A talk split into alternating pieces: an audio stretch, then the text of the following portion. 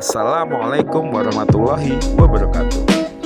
Saya Ahmad Alfar Mukti dari kelas MBSC 2018 dengan NIM 41803001 akan menjelaskan apa saja sih dampak positif yang dihasilkan oleh usaha sosial.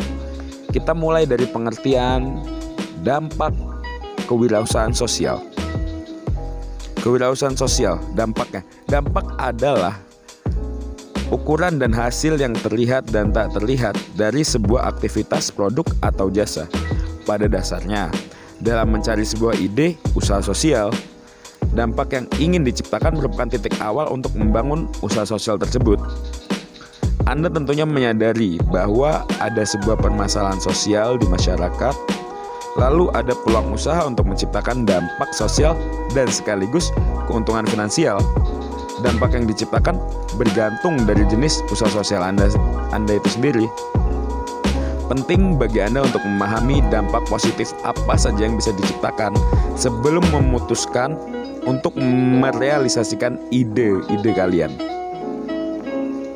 Berikut adalah 6 jenis dampak positif yang bisa Anda ciptakan melalui usaha sosial. Yang pertama, dampak ekonomi.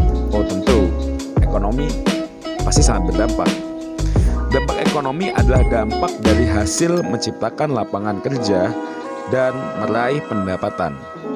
Contohnya, mengurangi pengangguran, uh, meningkatkan penghasilan lingkungan sekitar,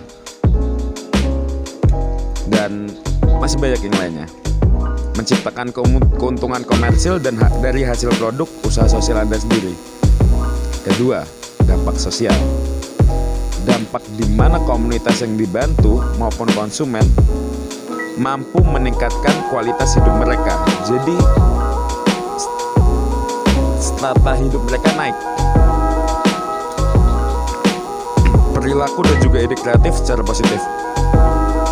Contohnya, semakin banyak konsumen yang peduli terhadap visi dan misi usaha sosial Anda, dan mendukung usaha sosial Anda, peningkatan kesejahteraan dan kualitas hidup komunitas yang dibantu.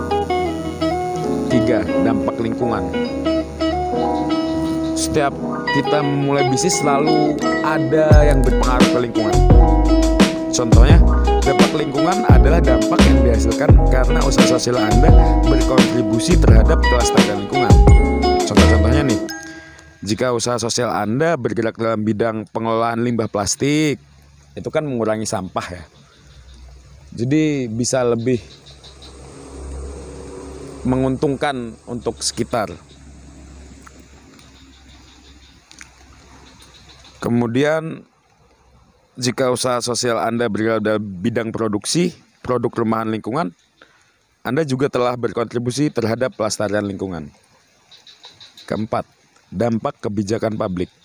Dampak kebijakan publik adalah dampak di mana usaha sosial yang Anda ciptakan mampu mendapatkan perhatian pengakuan kebijakan sampai menciptakan regulasi untuk membangun usaha sosial di wilayah Anda.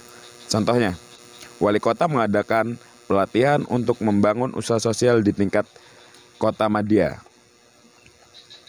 Dibuatnya regulasi untuk peringanan pajak bagi usaha sosial tersebut. Kelima, dampak perubahan gaya hidup. Dampak perubahan gaya hidup adalah dampak yang dihasilkan karena usaha sosial Anda mampu membawa perubahan gaya hidup secara positif. Jika usaha sosial Anda menghasilkan produk makanan, makanan organik, Anda secara tidak langsung telah membantu masyarakat untuk menciptakan gaya hidup konsumsi makanan sehat. Jika komunitas yang dibantu usaha sosial Anda adalah para pengemis, Anda secara langsung memfasilitasi mereka untuk menerapkan gaya hidup yang lebih baik dan bekerja secara lebih produktif lagi tentunya. Keenam, keterlibatan internasional. Dampak keterlibatan internasional adalah dampak di mana usaha sosial yang Anda bangun mampu mendapatkan perhatian dan dijadikan contoh untuk memotivasi wirausaha wirausahawan sosial di negara lain. Contoh dari dampak itu adalah menarik investor asing untuk berinvestasi di usaha sosial yang kita miliki, menyebarkan ide gagasan perubahan sosial yang hendak Anda ciptakan di skala regional dan global. Ya, sekian dari podcast ini. Assalamualaikum, sampai bertemu kembali.